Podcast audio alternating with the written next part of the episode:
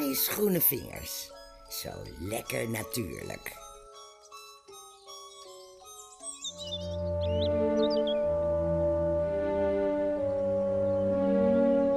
Ik bewaar een hele bijzondere herinnering aan fluitenkruid. Het is een rouwkaart van mijn schoonmoeder.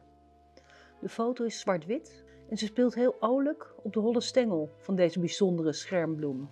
Ik maakte de foto in de tijd dat Toscanietering en ik bijna 30 afleveringen maakten van Klein Keukenhof voor de achterpagina van NRC. In Klein Keukenhof wonen zes dames voor hun eigen veiligheid achter een cijferslot. Later zijn de verhalen bewerkt en dat resulteerde weer in het eh, boek De Vergeetclub. Een pareltje over dementie met een lach en een traan. Geschreven door Toscanietering. Fluitenkruid dus. Ik vind het een vrolijkert.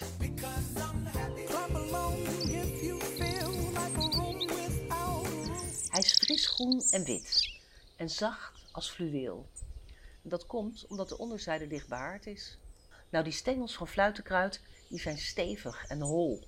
En na de bloei krijgt de plant donkerbruine, sigaarvormige splitvruchten. Na een poosje kwam ik terug met spierpijn in mijn rug van het bukken en het plukken van een armvol fluitenkruid. Dat fluitenkruid zorgt voor een betoverend schouwspel.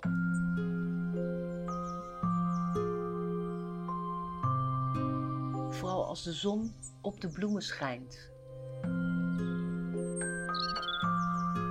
Weet je wat leuk is? Om eventjes met je hoofd zo in het fluitenkruid te gaan hangen.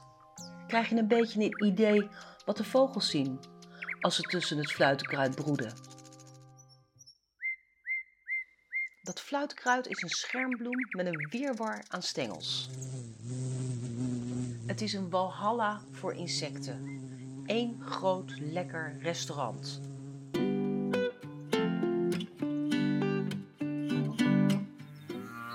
Vroeger werd de plant als veevoer gebruikt en het was ook konijnenvoer. Maar wij kunnen fluitenkruid ook prima eten. Kijk, dat blad dat kan je gebruiken om lekker in de salade te doen. Het smaakt een beetje naar kervel, selderij.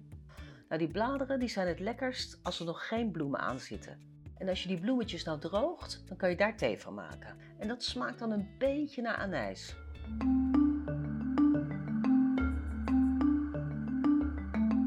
Weet je trouwens dat fluitenkruid je spijsvertering oppepper kan geven?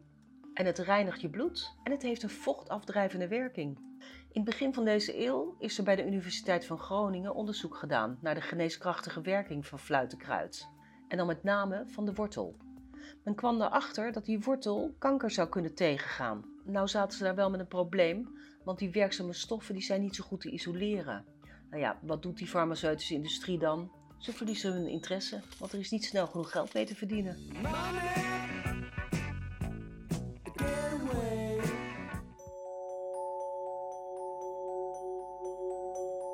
Aan fluitenkruid worden bijzondere eigenschappen toegedicht. Het zou je helpen met twee voeten met je beide benen op de grond te blijven staan. En het maakt je groot. Het zou je kunnen helpen om een goed gevoel van eigenwaarde te krijgen. En daardoor verbind je je met de rest van de wereld. Je wordt je bewust van jezelf en het schijnt een heel mooi meditatiekruid te zijn.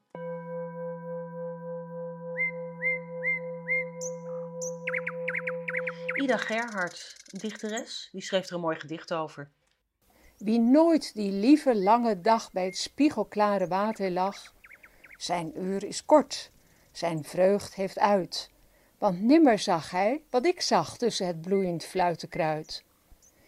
Wie naar het klare water gaat, hem zullen de ogen opengaan. Want zeker zal hij hier verstaan, geknield tussen wat groeit en leeft, hoe God het schoonste zingen geeft bij water, bloeiend kruid en riet. Om niet. En J.P. Thijssen, de schrijver, onderwijzer, natuurbeschermer, noemde de plant Hollands kant. Mooi gevonden. De Latijnse naam van fluitenkruid is Anthriciscus sylvestris. Dat betekent dat fluitenkruid van oorsprong in een bos te vinden is. Sylvestris betekent namelijk bosbewoner. Maar dan moet je niet denken aan een heel dicht, donker bos, want fluitenkruid is op zijn best bij gefilterd licht. De plant is niet echt kieskeurig hoor, want ook op een zonnige plek doet hij het goed. Hij heeft echt een voorkeur voor vochtige, voedselrijke plaatsen. Oh ja, daar begon ik natuurlijk mee. Hoe maak je nou zo'n fluitje van fluitenkruid? Nou, dat kan je het beste doen als de plant eind juni is uitgebloeid. Dan knip je zo'n 25 centimeter van die stevige stengel af, net onder een knoop. Zodat de onderkant van je pijp dicht is. Dan snij je de bovenkant schuin af en snij dan vervolgens voorzichtig in het midden, van boven naar beneden, zo'n stukje van ongeveer 4 centimeter. Als je die dan schuin aan je lippen zet en dan er een beetje overheen blaast, zoals bij een panfluit, dan heb je een heel mooi muziekinstrumentje. Ik vind panfluitmuziek trouwens vreselijk. Maar goed, dit terzijde. Bum ba-dia, Fluitkruid is heerlijk en je kan heel veel verschillende recepten vinden. Maar je moet wel oppassen, want er zijn ook planten die op fluitenkruid lijken. En die zijn namelijk hartstikke giftig. Want fluitenkruid is heel makkelijk te verwarren met hondspeterselie en dolle kervel. Nou, die hondspeterselie die smaakt een beetje branderig. Dus meteen uitspugen, hè? En dolle kervel is weer heel goed te herkennen doordat de bladeren dofgroen van kleur zijn. En die stengels van dolle kervel die zijn een beetje behaard. Dus ik zou zeggen, hondspeterselie en dolle kervel, laat het lekker staan. Oh ja, is het nou fluiten of fluitenkruid? Nou, wat maakt het eigenlijk uit?